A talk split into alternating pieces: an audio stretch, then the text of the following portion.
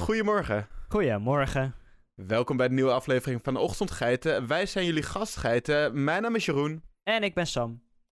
En vandaag gaan we het hebben over de feestdag, waar het vandaag de tweede dag van is. Tenminste, vandaag bedoel ik de dag dat we dit online gooien. En dat is Pasen. Pasen is een dag wat elk jaar terugkomt. En we gaan even vertellen waar dat nou precies vandaan komt. Zowel in, uh, vanuit geloof, cultuur, als in waar komt bijvoorbeeld de paashaas vandaan? En waar komen nou precies die eieren vandaan? En waarom brengt die paashaas eieren? En waarom is dat logisch? En wat betekent ei, koer, ei? allemaal vragen die je vandaag langs gaat horen komen. En die lekker behandeld gaat worden. Waaronder ook een nieuw receptje van de week. Dus uh, geniet van de aflevering.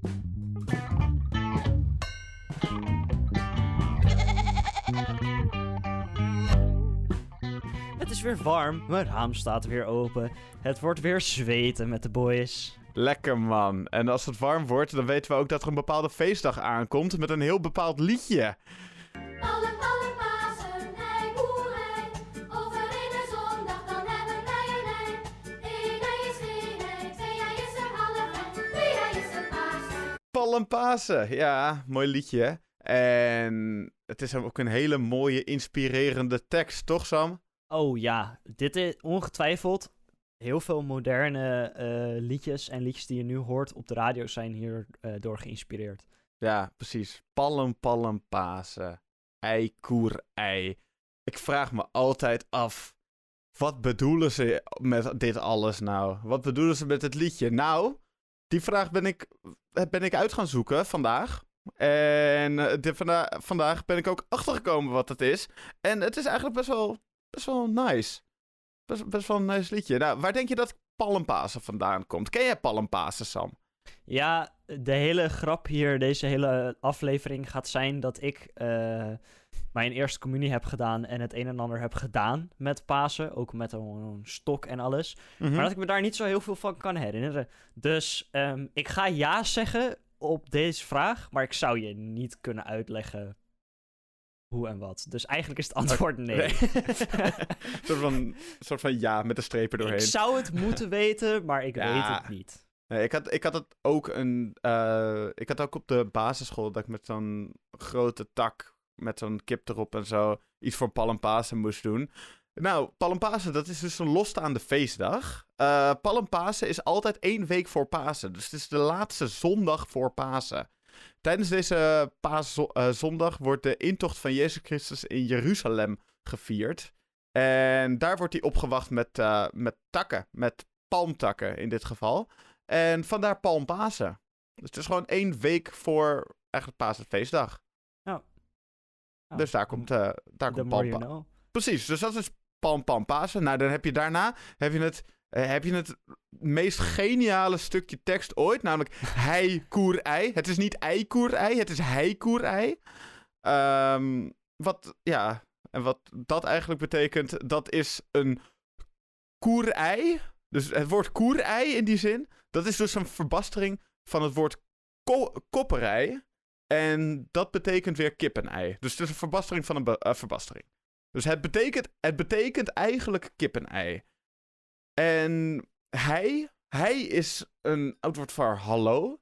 Dus eigenlijk wordt daar gewoon gezegd: hallo kippenei. Alright. Ja, het is, het is dus nog steeds heel erg random, maar it is what it is.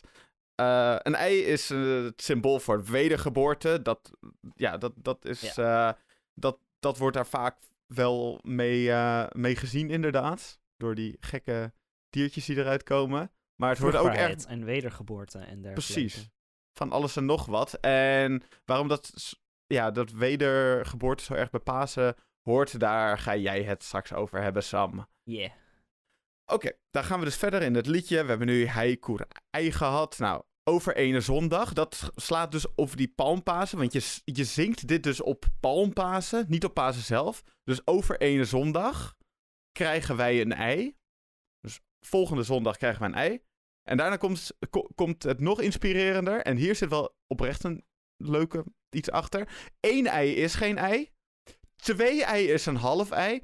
En drie ei is een paasei. Nou, waar dat vandaan komt, dat vind ik best wel leuk. Nou, met, Drie met is een heilig getal. daar kwam... En, ja, da- da- daar komt het wel deels vandaan, inderdaad. en is het niet de- de vader, de, de, de, de, de zoon en de heilige geest? Ja, nou, in, in hetgene waar ik het heb op... eh, ik heb het genoteerd als het lichaam, ziel en geest. Maar volgens mij is dat, eh, komt dat op hetzelfde neer. Ongeveer, Inderdaad. ja. Nou Dus eh, ja, met Pasen laten veel, veel ouders hun kinderen zoeken naar eieren die verstopt zijn door die paashaas. Maar ja, er zijn, nog, eh, er zijn nog steeds, en er waren ook heel veel andere eigebruiken. Bijvoorbeeld in de Balkanlanden is tijdens paastijd worden eieren versierd en beschilderd. En dat wordt eh, aan elkaar gegeven voor een goed leven. En waar de drie eieren vandaan komen, dus het ene ei is geen ei, twee ei is een half ei en drie ei is een paasei, is dat herbergiers elkaar vroeger, en misschien nog steeds wel, eh, eieren cadeau gaven tijdens Pasen. En ze gaven elkaar altijd drie eieren. En inderdaad, één ei is niks, want ieder mens heeft een ander nodig. Eh, twee ei is de, eh, pas de helft van een mens. Het zintuigelijke en het lichamelijke deel. En drie ei is dus de drie eenheid van lichaam, ziel en geest. Dus wat jij zegt net, vader, zoon, heilige geest.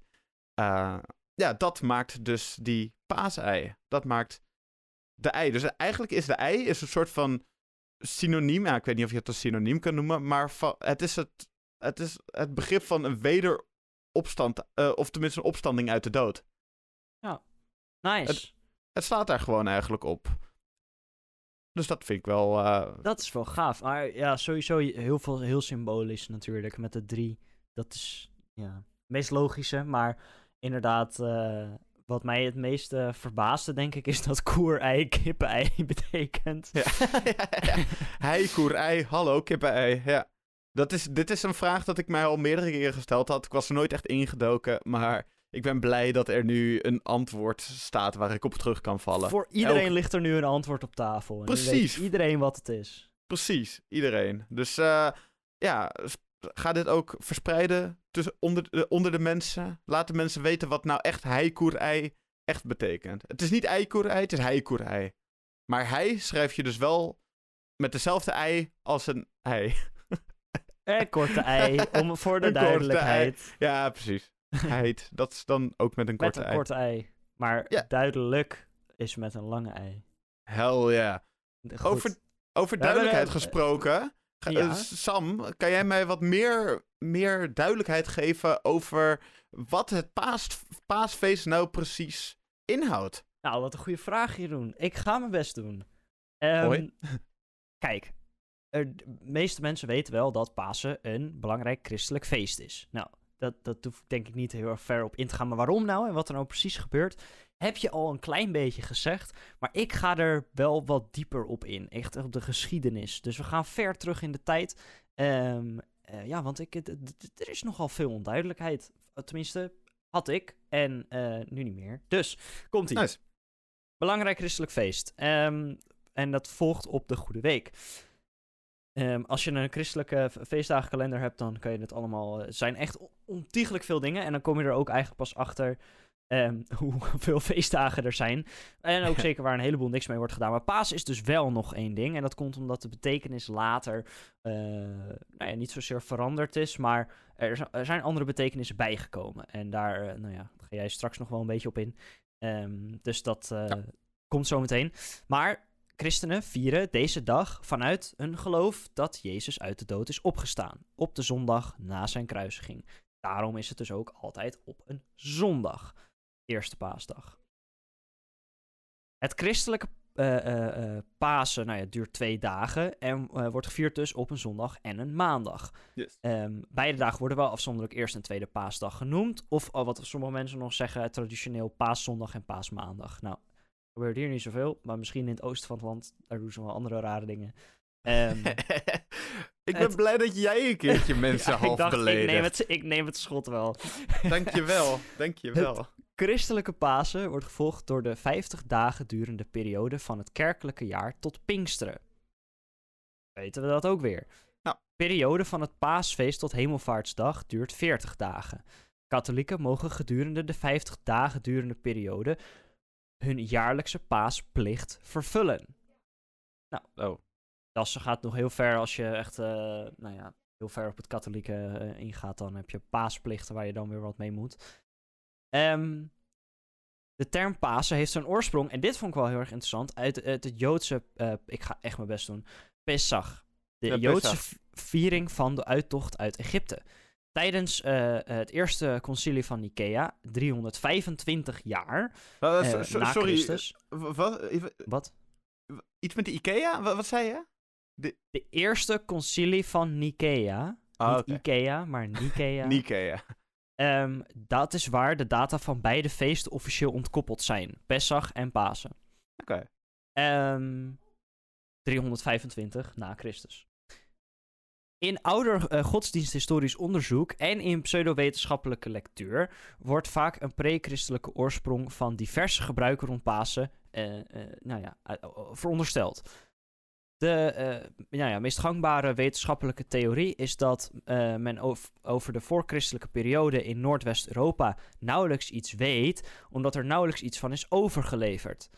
Mogelijk heeft de viering van Pasen in de loop van de tijd elementen van oude lentefeesten in zich opgenomen, maar dat blijft speculatief. En heb je feesten, rituelen tijdens de lente, ehm, nou ja, veel, zoals we dat nu zouden noemen, heidense feesten, ehm, uit eh, Germaanse en, eh, en Noorse eh, geloven. Ehm, ja, die zijn daarin misschien gemixt en gemengd door de tijd heen. Maar omdat er natuurlijk geen, geen tot weinig literatuur uit die tijd is, is dat onmogelijk terug te brengen. Dus is het alleen maar speculatie. En daarom zie je ook dat het, nou ja, er, wo- er worden dingen verondersteld, maar het is niet vastgelegd. Het eten van paaseieren is een middeleeuws oorsprong. En dat is alles wat ik over de eieren en dergelijke ga zeggen, want de rest gaat Jeroen zo meteen vertellen. Hel ja. Ehm, veel eh, paasgebruiken die we nu hebben, komen helemaal niet voor in de oorspronkelijke Bijbelteksten. Ehm, het is ook niet zeker waar ze precies vandaan komen, wat ik net al eventjes noemde. Een oorsprong in de voorchristelijke traditie kan dus wel verondersteld worden. Het is namelijk bekend dat de Romeinen bijvoorbeeld bij het eh, kerstfeest bewust eh, midwintertradities opgenomen hebben om de Germanen te kunnen winnen voor het christendom. Ehm, het kleuren van eieren is ook terug te vinden in Iran met het voorjaarsfeest Nowruz en op de Balkan met Ederlezi. Ja, ik doe echt mijn best, maar woorden. Ehm, dat is 6 mei, Sint-Jorisdag.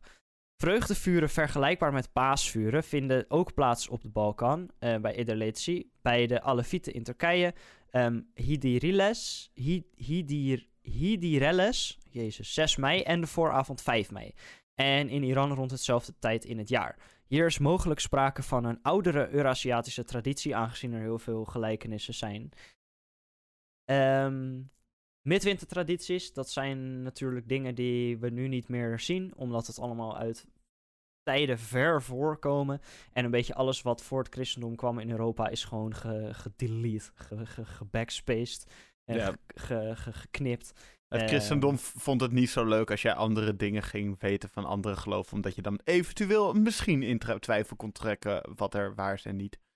Ja, en als je het christendom in twijfel trekt, heb je geen, hebben ze, hadden ze geen controle meer over je. En eh, ja, dat was, niet, dat was niet best. Dus eh, Dat- veel ervan is verdwenen. Ehm, eigenlijk Ja. bijna alles. Maar je vindt dus nog wel die dingen terug in het Midden-Oosten, bijvoorbeeld. Ehm, het woord Pasen is de meervoudsvorm dus van Pasch of Paesh. Eh, meervoud omdat het over meerdere dagen worden gevierd. Het is ontleend aan het christelijke Latijn pascha, een eh, ontlening aan het Griekse eh, pascha, dat weer ontleed is aan Aramees pascha. En dat vind ik wel vet, want meestal gaan we zo ver terug als het oude Grieks, maar nu gaan we nog verder terug. Ehm, en dat is ook verwant met het He- Hebreeuwse Pesach. En daar komen we terug op eh, de Joodse eh, tradities en het feest van de uittocht uit Egypte. Dus je kan het helemaal terugtraceren en dat is wel heel cool. En dat is waar eh, taal weer uitblinkt. Ehm, en waarin blijkt dat we daar toch wel heel veel aan hebben. En dat het toch door de tijd heen, ondanks dat het voor ons idee heel lang geleden is, ehm, ja, daardoor kan je een heleboel informatie ophalen. Ondanks dat er weinig over is geschreven. Zeker. Ehm, Easter, eh, de Engelse naam, of Ostern, de, de Duitse naam, is afgeleid van de godin Ostara, ehm, volgens de Angelsaksische monnik eh, Beda. Ehm, luidt de vierde maand van het jaar in het Oud-Engels Eostrai. Hij schrijft dat deze maand vernoemd was naar de godin Eostrai, die in vroegere tijd in Engeland aanbeden zou zijn. Dit is tevens de enige oude vermelding van deze godin. Ik ga Ook alvast iets zeggen over die eh, godin. Die godin die komt straks, later nog weer terug, wanneer er gesproken wordt over de paashaas. Nice. Ehm, in de christelijke traditie is Pasen, of ook wel het paasfeest, het belangrijkste eh, liturgische feest. Op Goede Vrijdag, de vrijdag voor Pasen, herdenken christenen het lijden en de kruisdood van Jezus. En met Pasen vieren zij zijn opstanding, ook wel verrijzenis genoemd, uit de dood. Pasen behoort daarmee tot de traditie van de zoenoffers, die draaien om de noodzaak van de dood voor het leven de eh, verzoening met het goddelijke en de spirituele ontwikkeling van de eigen ziel door beproeving. De meest samenvattende manier om Pasen te omschrijven, denk ik. Christelijke deel van Pasen dan. Ja. Ehm, en eh, ja, de, ik heb nog een stuk uit eh, Matthäus eventueel wat het, wat het quote, maar dat ga, ga ik even niet over hebben, want dat, nou ja, is, eh, als je dat wil lezen, kan je het zeker teruglezen. Het is Matthäus 28, 1 tot 10 en Marcus 16, 1 tot 13, Lucas 24, 1 tot 53 en Johannes 20, 1 tot 23. Het is heel veel tekst. En het is allemaal een beetje hetzelfde, alleen dan heel erg uitgespreid, want het is de Bijbel. Dus ehm, ik ga dat allemaal niet, eh, niet verder voorlezen. Ehm, laatste wat ik ga noemen, ehm, even kijken hoor, is dat ehm, eh, belangrijk. Ik heb het al een paar keertjes over de ehm, eh, uittocht uit Egypte gehad. Ehm hè, Pesach, Joodse viering. Hm. Ehm, met de christelijke viering wordt, net als dus met Joodse viering daarvan, het, eh, het metaforisch vanuit het werk van God in en door de persoon Jezus als Christus door christenen beschouwd als de zoon van God. De beloofde Messias, de verlosser. Ehm, hij wordt in het Nieuwe Testament het paaslam genoemd, dat zich eh, zelf vrijwillig liet offeren eh, voor de verzoening van God met de mensen. Dit duidt op de symbolische betekenis van het offerlam, dat volgens de Mosaïsche voorschriften, Oude Testament en de tradities van de Joodse godsdienst geofferd moest worden ter vergeving van zonde. Ehm, met de voorstelling van Jezus als het eeuwige paaslam werd in geestelijke zin een nieuw verbond tussen God en mens aangeboden, gebaseerd op de genade, waarmee het oude verbond, gebaseerd op de wet, buiten werking kon worden gesteld. Wie in hem, God, gelooft, hoeft volgens de christelijke traditie niet meer onder de wet te leven, maar valt onder de genade. Deze begrippen en de verhoudingen tussen het een en ander zijn in onder meer de brieven van de apostel Paulus nader uitgewerkt. Ook wel een belangrijke toevoeging, ehm, dat ehm, het hele eh, eh, Pasen en het, christendom, daar is er dus een verschuiving gekomen van het Oude naar het Nieuwe Testament in hoe men kijkt naar God en hoe men hem eh, niet zozeer ja, onder wet van bepaalde regels en dergelijke leeft, maar onder genade van hem. En uiteindelijk onderaan de streep komt het op hetzelfde neer. ehm, want levenswijze en dergelijke, dergelijke zijn nog hetzelfde. Alleen de manier waarop je er naar kijkt is anders geworden. Maar, maar als, je dat, als je dat allemaal zet naast het eh, dingetje dat, eh volgens mij van wat ik weet, en bind me niet op vast, maar Jezus is aan het kruis gestorven voor onze zonde. Yes. En die genade, wanneer je op een gegeven moment leeft onder die genade van God in plaats van onder de, de regels, om het zo maar te zeggen, is het dan niet dat dat een soort van vrijbrief wordt om alles te, eh, alles te kunnen doen, want hij is al doodgegaan voor, je zonde, voor de zonde? Of- Nee, onder de genade wil meer mee zeggen dat je dat God jou de, de genade geeft om, eh, om te leven en om er te zijn. En eh, dat het niet zozeer is van hé, hey, je moet bepaalde regels volgen anders. Ja. Maar meer dat het is van hé, hey, hij geeft je genade om te leven en daar moet je dankbaar voor zijn. Dus dat, Ah, oké. dat is het meer. Oké, oké, duidelijk. Duidelijk. Ehm, ja, laatste toevoeging. Met het paasfeest wordt ook uitgekeken naar de verwachte wederkomst van Jezus op aarde. Ja, ook niet onbelangrijk om te zeggen. Zeker. Ehm, en Dat- dat, is dat- wel, dat zijn wel de belangrijkste rode draden. Want er is nog Ja. ontzettend veel uit de Bijbel te plukken hierover. Ja, je hebt natuurlijk dat hele, dat hele, eh, je hebt het hele verhaal van Pasen waar, eh, waar hij wordt verraden door een maat van hem en dat hij, ja, ik, kan het nu niet meer eh, zo 1, 2, 3 opvoeren. Het is tijd geleden dat ik het voor het laatst heb gehoord. Maar het is inderdaad, er zit nog een hele, heel verhaal en een hele lore achter Pasen en hoe dat precies nog binnen al die culturen en zo die je eerder, eh, die je eerder hebt genoemd, Sam, hoe dat, hoe dat precies in elkaar zit per cultuur. En dat is, ook is- nog een hele waslijst. Aan is dingen, super dat moet je- ingewikkeld, Ja, omdat moet het... je niet nu doen. Nee, kijk, het bevat gewoon meerdere religies. Dat maakt het al lastig. Mhm. Ehm, en het is, het is er uit, door zoveel tijd heen nog veranderd door invloeden van dus andere religies, maar ook vooral tradities. Ja. ehm, dat je er niet meer één ding van kan maken. En dat is ook Nee. eigenlijk een beetje mijn punt. Ik heb nu een christelijk deel verteld en een klein, heel, heel, heel klein beetje Joods deel. Ehm, maar dat, daar zit nog veel meer achter. En dat kun je eindeloos over doorgaan.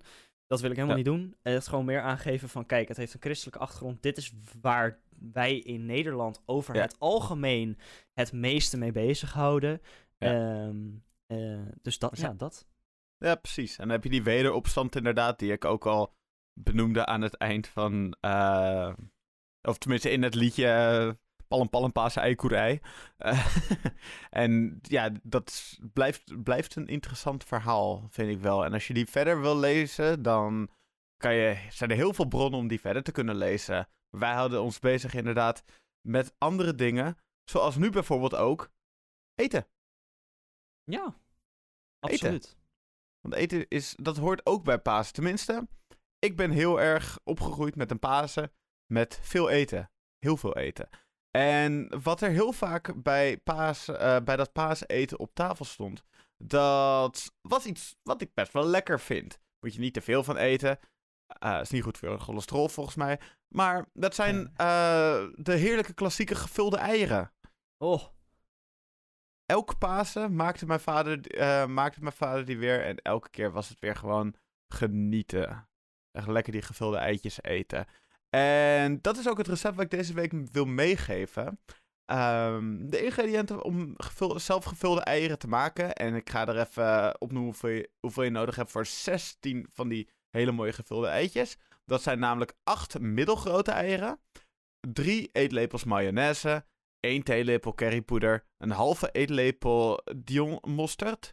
En een half bakje met tuinkers. Eh, het is eigenlijk super eh, simpel te maken, maar je hebt er wel een bepaald soort stuk ge- keukengereedschap voor nodig. Dat is namelijk een... Ja, precies. Dat is een spuitzak met kartelmondje. Oh, ik denk hier komt een, eh, een of andere, zeker merk wat ik bijna wilde noemen, keukenmachine van 600 euro. Maar dat, dat valt heel erg mee. Nee, dit is, dit is op zich wel goed te doen. Je kan, het, je kan het vaak zelf nog maken met... Ja, hoe eigenlijk? Je kan zelf wel een manier vinden hoe je het moet maken. Maar wat je doet om het te maken, is... Breng een pan met ruim water aan de kook. Kook de eh, eieren in 8 minuten hard. Laat de eieren schrikken onder koudstromend water. Pel en halveer de eieren in de lengte. Haal met een theelepel het eigeel eruit en doe deze dan in de kom. Prak het eigeel met de vork. eh, meng de mayonaise, currypoeder en mosterd er doorheen. En breng op smaak met eventueel wat peper en zout. En daarna schep je het mengsel in de, eh, in de spuitzak. En vul je, het ei, ja, vul je hier de eihelften mee. En daarna bestrooi je het nog met een beetje tuinkers. En dan heb je heerlijke gevulde eitjes. Simpel, maar lekker. Ja, precies, precies. Dus Ik- mocht je nog wat weten, eh, nog wat willen brengen voor Pasen, ook al is dat gisteren, als je kijkt naar wanneer dit uitkomt, dan kan je lekker gevulde eitjes maken volgend jaar. Ja. of tussendoor. Blijven met de tips komen. En gevulde ijs kan je natuurlijk ook op andere momenten dan Pasen eten. zeker, zeker. Ik heb ik één denk dat het belangrijke... niet lekker is met bier. Nee, nee, dat denk ik ook niet. ik, heb, ik heb één hele belangrijke vraag aan jou, Jeroen. Ja. Ehm, hoe laat jij je eitjes schrikken? Ehm, weet niet. Ze, ze schrikken altijd al van, van mijn adem. Nee, Eh, dat is niet waar. Eh, hoe laat ik mijn eitjes schrikken? Ik doe ze onder een stromende kraan. Maar zeg je er ook nog wat bij? Vroeger zei ik boe, tegenwoordig niet meer. Niet meer? Ah, dat vind ik wel jammer. Ik doe Ja. het nog wel. Want Ja, echt is- waar? Ja, ja, ja. Hallo. Hey, we zijn nu toch al Nee, met het feest van tradities bezig. Dat is waar. Ehm, dit is een traditie die ik niet zo snel wil weggeven. Het is wel ik vind het veel te grappig. Ik weet niet waarom, maar ik vind het veel te grappig. Dus kan ik echt mijn eentje helemaal stuk gaan als ik er gewoon daar een beetje met de pan met eieren sta. Onder koud water en boe zeg. ik, ga dit, ik ga dit ook weer terugbrengen. Dit, dit gaat een traditie wat zich weer gaat her, ja, herinnoveren in mijn leven. Ja, stel is- je even voor, hè. Even eh, heel hypothetisch gezien. Eh, stel je voor, jij, jij krijgt kinderen. Jouw kinderen krijgen kinderen. Ehm, en over x aantal jaar sta jij eitjes te koken voor je kleinkinderen. En jij houdt die pan onder dat koude stromende water en je zegt boe. Ja.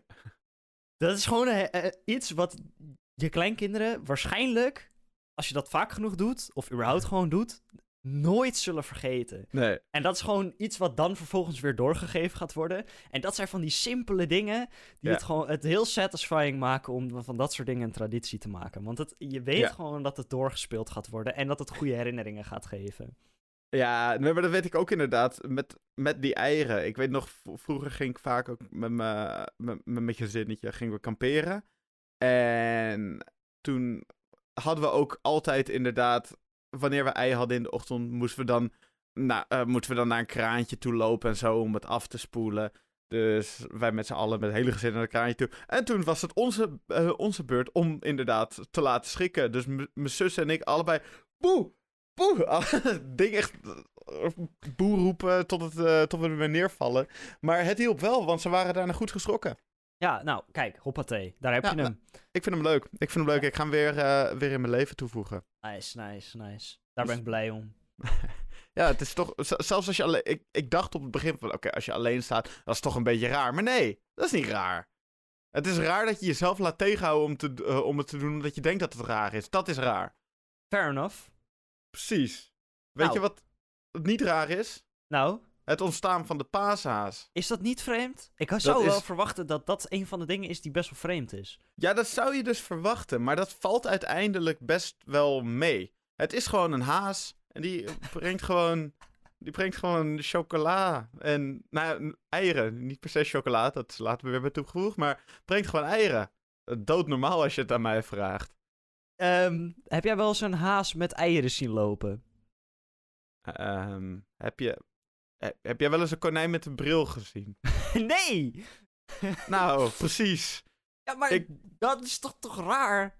Ja, het is, het is wel raar. Het is wel raar. Maar het heeft, het heeft een Hoezo? ontstaansgeschiedenis. Het is gewoon een haas die eieren komt brengen. Wat bedoel je? Oké, oké, oké, oké. Ik denk dat ik het eventjes, eventjes moet gaan zeggen waar dit ik vandaan ben wel komt. heel erg benieuwd. Nou, er zijn diverse verhalen die ja, van generatie op generatie doorverteld zijn. En dat heeft er ook voor gezorgd dat er veel verschillende versies van het verhaal zijn. Maar het, eerste verhaal waar het vandaan komt, die ga ik dan wel even met je delen. Dan, daar word je wel gelukkig van. Dan weet je dat het uiteindelijk niet zo raar is dat er een haas met paaseieren loopt. Het is namelijk een verhaal van de paashaas dat ontstaan is in Duitsland bij de Teutonen. En de Teutonen was een Germaanse stam die in de laatste eeuw voor Christus van het wereldtoneel is verdwenen. Dus dit is no- nog van voor Christus. Paashaas is ouder dan het christelijke paasverhaal. Vind ik leuk. Eh, de stam hield er verschillende verhalen op na. Onder andere ging deze over de godin, en daar komt ze weer, Ostara. Een voorbeeld is het verhaal van een klein meisje dat een gewond vogeltje vond. Ze bad tot Ostara en vroeg om hulp. Ostara kwam haar, naar haar toe, maar zag dat het vogeltje er heel slecht aan toe was. Dus dat het eigenlijk niet meer zou kunnen vliegen of kunnen functioneren als een vogel. Daarom veranderde Ostara het in een haas. En tegen het meisje zei ze dat, eh, ja, dat de haas één keer per jaar terug zou, eh, zou komen om gevulde eieren te leggen. Dus daar komt, daar komt Nou. dat uiteindelijk vandaan. Dat is best wel solid. Precies. En in een andere, eh, andere versie van het verhaal speelt Osara de hoofdrol. Zij zorgt uh, er hiervoor dat de lente begint. Een bepaald jaar was zij ja, er een beetje laat mee. En om haar fout te herstellen, uh, besloot ze een vogeltje dat bijna omkwam van de kou te redden. Het vogeltje kon al niet meer vliegen en de godin veranderde het vervolgens in een haas die één keer per jaar dus de eieren kon leggen. Dus het, is niet, het komt niet in een mandje langs, het, het kakt het gewoon uit. Ja, okay. paashaas. Daarom zijn ze misschien nu ook chocola. Chocola. Dat het eigenlijk gewoon hazenkak is. Nou, deze verhalen zijn dus van uh, mond op mond overgebracht. Dus hoe betrouwbaar is dit is, dat weten we natuurlijk niet precies. Of, of zij in die tijd er echt zo over dachten. Maar dit is wel wat we, wat we nu weten, wat ze dachten. Wat, wat er mond op mond vanuit die tijd is overgebleven. Ja, dat is de huidige waarheid, denk ik. Ja. Want dat is wat er van overgebleven is. Ja, precies. En rond de 15e eeuw, toen, uh, ja, toen was er iets moois, namelijk het schrift. En toen werden deze mythes opgeschreven. Er waren verschillende verhalen, maar ze draaiden allemaal om een haas die, uh, een haas die eieren legde. Rond 1680 werd het eerste verhaal van een haas die eieren legt en ze in een tuin verstopt gepubliceerd. Duitse kinderen legden hoedjes of mutsen in de tuin om op paasochtend ja, te zien dat deze gevuld waren met eieren. Duitse immigranten zouden het verhaal en de uh, bijkomende tradities hebben meegenomen naar de Verenigde Staten. En zo is het hele verhaal zich wereldwijd gaan verspreiden. Dus op die manier weten mensen van, ja, van de haas die eieren legt. En later werd het dus ook weer naar chocolade-eieren gebracht. En begonnen ja, zo begonnen paashazen uh, gemaakt van suiker en van chocola ook op te duiken. Dingen werden chocola. Lekker man. En dit verhaal hoor je vaak, maar is het een echt verhaal? We ja, wetenschappelijk, uh, wetenschappers twijfelen daarover. Zowel over de verklaring van de paashaas als over het vereren van de godin Ostara. Er is namelijk maar weinig bewijs voor. Uh, het, oude, het oudste geschrift waarin Ostara genoemd wordt, stamt uit de 8e eeuw. Maar daarvoor had je gewoon nog niet echt goed schrift. En vooral bij de Germanen niet echt. Dus het is begrijpelijk dat dat het eerste, keer, eh, het eerste moment is dat het wel genoemd is. Ja, er zullen ook niet heel veel mensen zijn geweest die überhaupt konden lezen of schrijven. Nee, precies. Dat, dat, dat maakt het natuurlijk absoluut lastig. Zeker, zeker. En je weet, door de tijd heen veranderen verhalen natuurlijk best wel erg. Als het gewoon mond op mond verteld wordt.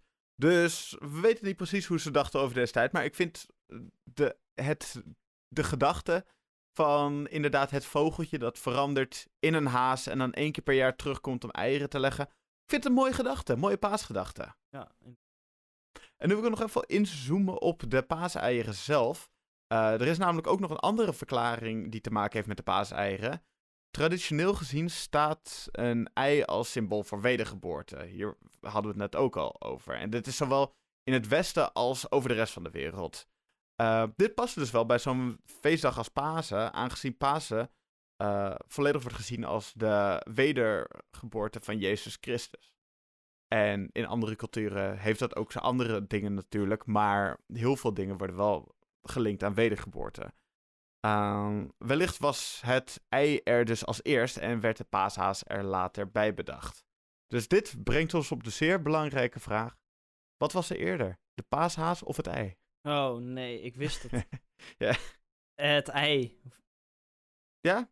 Denk ja. je dat? Ja, want dit okay. was er al voordat de paashaas werd uitgevonden. Wa want dinosaurus en zo. Ja. ja. Dat vind, dat vind ik ook het mooie van de vraag: wat was er eerder, het kip of het ei? Dat is dat er gewoon een antwoord is. ja, maar. Namelijk het ei. als je vraagt de kip of het kippen-ei, dan wordt het lastiger. Ja, dan wordt het je, lastiger. Als je gewoon een ei in general zegt, dan is het natuurlijk een logisch antwoord. Nou, als je vraagt wat was er eerder, het kip of het kippen-ei, dan is het inderdaad. Dan moet je precies gaan kijken van wanneer werd die bepaalde dino een kip. Wanneer ja. wordt, op welk moment wordt het een kip genoemd? En ja. dan moet je dat op de seconde kijken of, uh, seconde. of daar dan een ei, of, of er een ei was of, of een kip. ja, fair enough. Ja. Ja, nou ja. Bijzonder. Nou, ik denk trouwens, om hier nog eventjes in door te gaan, dat het antwoord dan kip is. Want, op het moment... Nee, tegelijkertijd, want er kunnen ook op dat moment eieren zijn. Ja, en is het niet het ei waar het kip uit... Waar het kip? Het ei waar de kip uitkomt? En dat is er dan toch eerder? Ja, maar de, de ei, het ei komt ja, uit de kip, maar de kip komt ook weer uit het ei. Ja, dat snap ik, maar het ei van de eerste kip hoeft niet per se uit een kip te komen. Nee. Nee, ja, ik, ja dat is het antwoord. Ja. E-, e eerst was het ei. Ja. Ja. Nou, hebben we nou. een vraag van de eeuw uh, beantwoord. Skibbedabbes, skibbedabbes. Ja, ja, precies. Dat is wel, uh, ik, ik vind het wel fijn dat we dit uh, af kunnen sluiten, mentaal. Wel een relevante vraag ook. Zeer relevante vraag. maar, maar, dat was dus mijn, mijn stukje over het ontstaan van de paashaas en het ontstaan van de paaseieren. Ja, echt wel heel cool om te weten dat dat uit ja. Vogeltje komt en Ostara en dat dat al zo ver terug gaat. En dat het ook het enige is wat we nog weten daarover, over die godin. Um, ja, dat is uh, bijzonder. En ook juist bijzonder omdat het natuurlijk uit een tijd komt, wat je ook al zei, waar het geschrift gewoon basically niet bestaand was. Nee, alle dus- verhalen die uit die tijd komen, dat is, zijn mond-op-mond verhalen. Ja, precies. En dat, ja, dat vervormt dingen natuurlijk, maar dat maakt het ook de waarheid die het nu is. En dat maakt ook dat wij nu um, in eh, februari al naar de supermarkt gaan en chocolade-eitjes zien liggen. Ja, klopt. Door een mond-op-mond verhaal. Uit Precies. zo lang geleden. En dat. Het heeft wel wat moois dingen. zo. Het heeft. Ik, ik, wat ik er mooi aan vind, is toch de, de tijdloosheid dat dat iets kan hebben. Zelfs al is het niet opgeschreven, zelfs al kan je er eigenlijk niks meer van terugvinden. Uh, het is door uh, op mond op mond is het overgedragen van mens op mens. En het kan misschien vervormd zijn, het kan misschien anders eruit zien. Uh, of anders verteld zijn. Maar dat, ja, dat is, dat is alsnog mooi. Dat het alsnog wel op een bepaalde manier ja, heeft bestaan. Een van de oh, redenen dat het natuurlijk nog, dat het nog bestaat, is natuurlijk dat het semi geaccepteerd is, of in ieder geval bepaalde tradities ervan semi geaccepteerd zijn door de Romeinen. Um, die het christendom op een gegeven moment gewoon aan het uh, verspreiden waren in dat opzicht. Um, dus ja, het blijft natuurlijk jammer dat er niet meer van dit soort dingen over zijn. Um, als je goed gaat zoeken, kan je nog wel wat vinden hoor, maar niet op dit niveau. Want ik denk toch wel dat als er een minder erge uh, ja, dominantie was geweest van het christendom, dat, uh, ja, dat we meer van dit soort dingen nog zouden hebben. En dan ben ik toch altijd benieuwd naar hoe de wereld er dan uit zou zien. denk je niet dat uh, wanneer er dan een mindere dominantie was van het christendom, dat, dat er dan wel iets anders overheen gewalst zou hebben? Ja, maar het ligt eraan hoe het ingezet wordt en waar het voor gebruikt wordt. Dat is niet hetzelfde. Nee, het is niet hetzelfde. Maar dat, dat, is, dat ligt daar heel erg aan. Want ja. als je het natuurlijk verspreidt om een bepaalde regie te houden, dan ga je andere tradities verwerpen. En uh, als het verspreid wordt, maar er blijft nog ruimte voor tradities, ja, uh, ja dan kan je een mengelmoes krijgen zoals hier. En dat is wat er met Paas is gebeurd, maar met heel veel andere dingen niet. Nee, klopt, klopt. Dus ja en nee. het antwoord is ja en nee. nice. Nou ja, het is toch fijn om een antwoord te hebben. Hey, um, even uh, leuk om over te hebben, want het is uh, een feest vol met tradities. En um, nou ben ik toch wel benieuwd, buiten het boerroepen tegen uh, gekookte eieren, um, wat jij verder nog voor tradities hebt met Pasen. Of je die hebt en welke dat dan zijn. ja, paasontbijt. Gewoon met het, met, het, met het gezin gaan we lekker ontbijtje doen met z'n allen. het is altijd heerlijk. Dat doen we elk jaar. Zijn er ah. buiten de gevulde eieren nog dingen die je elk jaar terugziet? Uh, we hebben meestal hebben we zo'n roomboter in de vorm van een kip. Dat is iets wat ik bijna elk jaar terug zie komen. Ah, die zijn leuk. Ja, dat, ehm, eh, het is wel pijnlijk als je dat hoofdje er voor het eerst af gaat slijzen. Maar ja, klopt. Dat, dat is ook wel weer, een, dat geeft ook wel weer een bepaald paasgevoel. Deel van de ervaring. Ja, het, is toch een, het is toch een wedergeboorte. Je, ha- ja, je haalt het snaveltje, het snaveltje haal je er misschien vanaf, maar je darmflora gaat floreren. Oké, het is een ci- circle of life. Precies. Ehm, ja, nee, ik, ik moet zeggen dat ik dat, dat, dat, dat boterkippetje wel herken. Maar eh, wij hebben hem ook altijd met kerst. Hebben we de kerstman eh, eh, Ah ja. in, in botervorm. Met kerst hebben we eigenlijk niet de kerstman. Dat is ook wel een leuke. Ja joh, gewoon doen. Gewoon erin Ja. gooien. Dat is hartstikke Hoppa. leuk joh. Die, die gevormde boters, die zijn eh, toch wel... eh, ja, ik weet niet. Het is heel simpel, maar het, het- het- je onthoudt het wel. Het is ook echt een van de eerste dingen die bij mij naar boven kwam. Heb je verder nog dingen die je doet buiten het paasontbijt? Ehm, ja, ik, eh, we gaan altijd met, met familie. Gaan we, gaan we gewoon lekker die dag bij elkaar zijn en er een leuke dag van maken. En daarbij is het altijd gewoon heel gezellig. En het verschilt elk jaar bij wie we het houden. En vroeger ging dat ook gepaard met het zoeken naar paaseitjes. Ja. Daar, eh, dat stopte op een gegeven moment wat meer, omdat Hey. iedereen al ver volwassen werd helaas. Nou? Eh, precies, daar was toen eh, een oom van mij die dacht van nee, we gaan het een nieuw leven inblazen. Dus je hebt van, nou, mijn oom die zei op een gegeven moment, oké, we gaan paaseieren zoeken. Hadden we al twee jaar niet meer gedaan of zo. Dus iedereen was er van, oh, oké. Eh, gingen verder paaseitjes zoeken en op een gegeven moment kwam iemand een biertje tegen. Nou was dat paas, eh, een paasei van Brouwerij het Ei. En die waren dus verspreid door de hele tuin. Iedereen. Iedereen eindigde toen met één heerlijke paasei. Dat is leuk. Dat is Ja, een dat goede, goede ver- vernieuwing van, eh, van zo'n eh, traditie. precies, precies. Dus eh, dat, was, dat was wel heel erg leuk. En ik vind inderdaad het zoeken naar paaseieren of zo, dat is wel een ding wat... Ja, in dit geval met, met bier of zo. Het geeft gewoon een extra dimensie aan zo'n feest. Precies. Dus, dus dat. En verder gewoon heel veel eten. Het is, na, het is samen met kerst is, is gewoon, ja, is gewoon een groot vreedfeest. Ja. En we gaan altijd gaan we brunchen. Dus lekker, lekker wat later in de middag. eh, rond een uur of twee, drie gaan we gewoon lekker van alles en nog wat qua hapjes zitten op tafel. En dan kan je gewoon pakken wanneer je wilt. En dat gaat dan de hele tijd door zo. en-. Zo vieren wij Pasen. Hebben jullie bepaalde tradities? Of jij eh, bepaalde tradities, Sam? Nou ja, ik sluit me voor een heel groot deel erbij aan, eigenlijk. Ehm, met een paar variaties. Ehm, want ik heb altijd bij mijn moeder dan, eh, met, eh, met eh, de rest van de, van de familie, met mijn broer, mijn zus, mijn stiefvader, ehm, altijd, elk jaar, bijna elk jaar brunchen. Soms lunchen, soms ontbijten, maar eigenlijk is het de ja, laatste tijd een, een brunch. En ja, gewoon met lekker met de familie en iedereen neemt wat mee. En ehm, ja, gewoon Ja, gezellig en, en met ja. elkaar. En ehm, nou, mijn eh, zus is zwanger. Die krijgt in, eh, nou ja, over eh, bijna, onge- nou ja, bijna precies een maand een, gaat ze bevallen. Wat leuk. En dat is super leuk. Ja. maar dat geeft ook enige ehm, toekomstperspectief wat betreft onze tradities. Want wij ehm, doen ook elk jaar het eh, verspreiden en het zoeken van, van paaseitjes, paashazen, alles van eh paaschocola. En ehm, mijn, eh, ja, mijn ouders vinden dat gewoon nog steeds super leuk en doen dat dus ook nog elk jaar. En ehm, wij hebben geen jaar overgeslagen.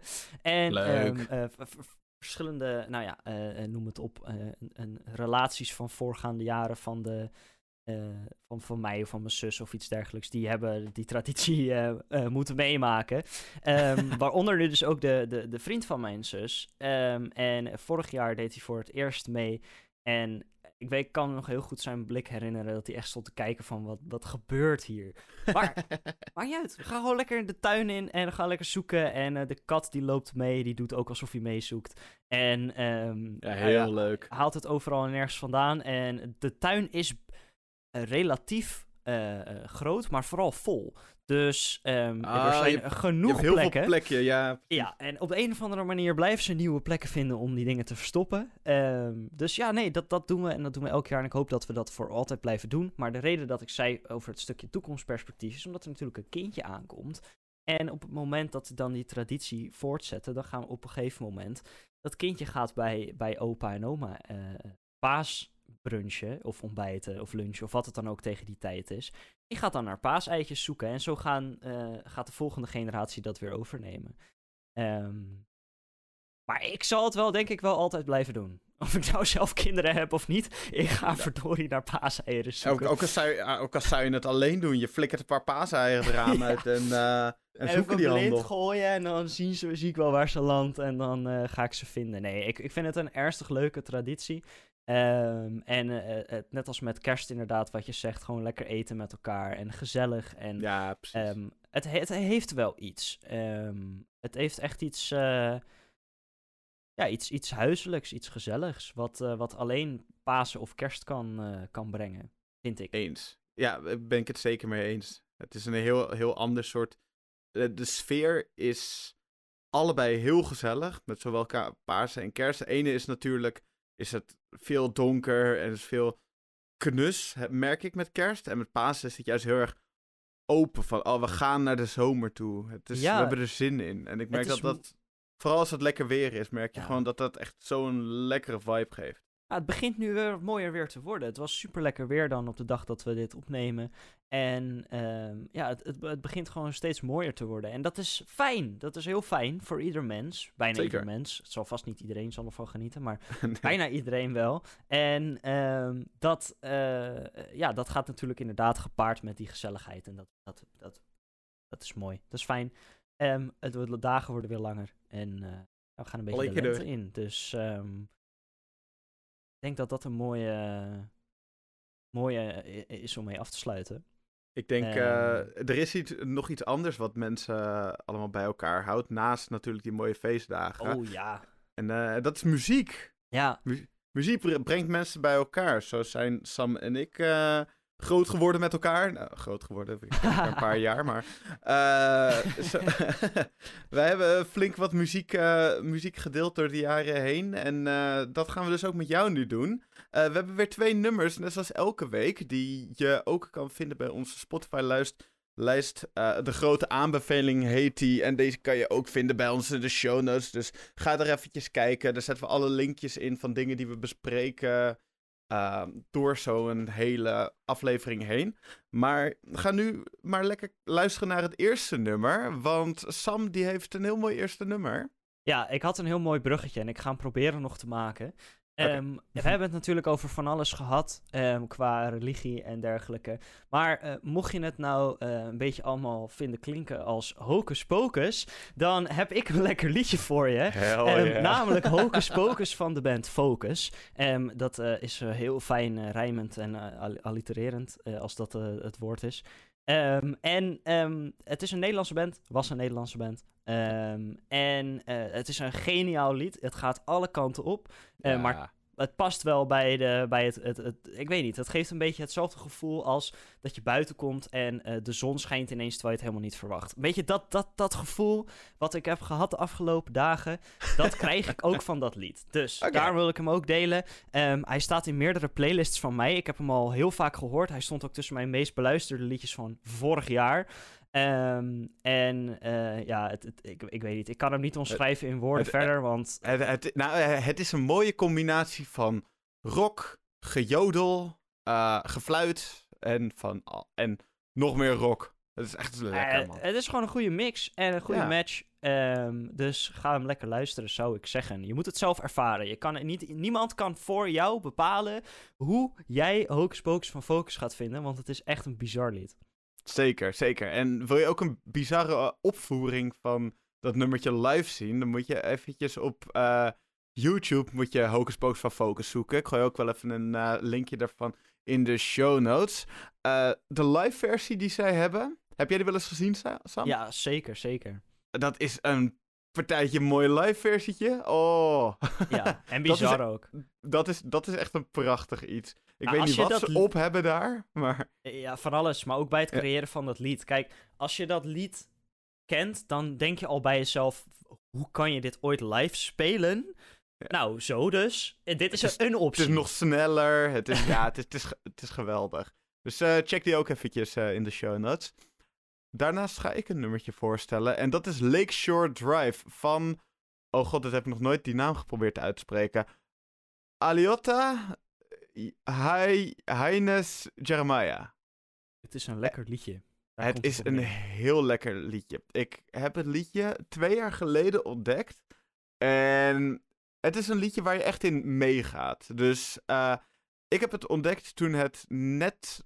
Ah nee, toen het bijna zomer begon te worden. Dus het weer werd steeds lekkerder. Een beetje net zoals, net zoals nu en wat we de komende maanden hopelijk gaan krijgen. Dan begint alles steeds beter te worden. En dit nummertje is echt een, het is echt een vibe. Je gaat, je gaat erin, je wordt meegenomen. Goede vibe. Lekker. Ja, ik, ik kan het ook niet beschrijven. Dit is ook iets wat je mee, gaat, eh, Het mee is moet maken. De titel is perfect. Dat vind ik echt met dit lied. De titel is perfect. Lakeshore Drive Ja. is precies het gevoel wat je krijgt van het luisteren van dit lied. Ja, Ehm, precies. En eh, ehm, ik vind het mooi dat je het zegt dat je het eh, sinds een jaartje of twee kent. Ehm, want het is best een, het is een, eh, een klassieker. Net als. Hocus Pocus van Focus. Ehm, en ja, heel veel mensen kennen het. Onze ouders kennen het nog van vroeger. Ja. Ehm, en zelfs is het, heel- het is zelfs al vaak van voor hun tijd. Want het is echt al best wel een oud lied. Ja, dat is ook een kwestie van perceptie, maar je snapt wat ik bedoel. En ik ken hem dus van een zekere film, Guardians of the Galaxy, want daar zit een, eh, een mix in, een, een tape mix, eh, als een mix, eh, en dan staat hij in volume 1. En ik weet nog dat ik die afspeellijst van die film heel veel heb geluisterd. En daardoor ken ik ook heel veel van die liedjes. Ja. Ehm, en daar is ook een beetje mijn, mijn, mijn liefde voor klassiekers. ehm, ja, een beetje ontbloeid. Ik had het al, maar daar is het no- nog veel groter geworden. Ehm, inmiddels heb ik een playlist waar eh, ja, allebei de liedjes van, van vandaag die we allebei aanbevelen, eh, die staan daarin. En ehm, ja, dat, het heeft gewoon een bepaald gevoel wat moderne muziek niet kan geven. Nee. nee, het is gewoon de manier hoe het is geproduceerd, hoe het is gemaakt. Ja, het, het, is, het is geweldig. Eh, en ik ken het nummer inderdaad ook van Guardians of the Galaxy. Het was niet de eerste keer dat ik de film gezien heb dat, ik, dat het liedje mij op is gevallen. Het is, eh, maar het is inderdaad twee jaar geleden keek ik de film Guardians of the Galaxy opnieuw. En toen, toen ik hem hoorde in de film, toen gebeurde er iets met me. En dit is wel iets Ja. wat vaker met mij gebeurt. Eh, tijdens films of series. Met series heb ik dat heel erg gehad bij de serie Fargo. Daar kunnen ze soms ook nummers gebruiken, vooral aan het einde va- eh, van zo'n aflevering, waarvan je gewoon... Je krijgt er gelijk een gevoel bij. En dat is zo mooi wat, wat bepaalde nummers met je kunnen doen. Je, dat je er gewoon een bepaald gevoel er gelijk bij krijgt. En dan ben ik altijd, eh, gooi, gooi ik de Shazam aan en dan komt dat heel erg snel in een eh, playlist van mij terecht. Het is mooi dat je dat zegt, want het is best wel een, eh, nou ja, een, een relatief zeldzaam iets dat je zo'n gevoel kan krijgen. Maar ongeveer de helft van de mensen eh, kan zo'n effect hebben van muziek. We hebben het hier wel eens heel even kort eerder over gehad, maar, ehm, eh, maar ongeveer de helft van de mensen heeft de, de bepaalde receptoren in hun brein waardoor ze een gevoel kunnen krijgen van muziek. En dan Ja, heb ik het bizar. over eh, eh, het meest, goeie, meest best, best voorbeeld wat ik kan geven is kippenvel krijgen van muziek. Ehm, of, ja, of een bepaald gevoel, blijdschap of verdriet of boosheid of wat dan ook. Ehm, er zijn ni- niet zo heel veel mensen, relatief gezien, ehm, die dat kunnen. Dus Ja, dat- als je dat hebt, ja, koester het. Maar dat, dat verbaast mij wel altijd. Want ik heb het gevoel alsof het doodnormaal is. Dat, dat je alles. Dat je al die dingen voelt en al die dingen meekrijgt. Maar ja, omdat het heel als- natuurlijk voelt. Precies. V- voor mij is dat, is dat de norm. Ja. Eh, maar dat is dus maar de norm voor de helft van de mensheid. En dat valt uiteindelijk valt dat inderdaad wel mee. Hoe, ja, dat dat echt een norm is voor iedereen. Vind ik altijd wel interessant. Nou, mocht je er nou wel of niet intens van genieten, het zijn gewoon lekkere liedjes, ook om op de achtergrond aan te hebben. Dus check de playlist. Ehm, hij begint al wat voller te worden.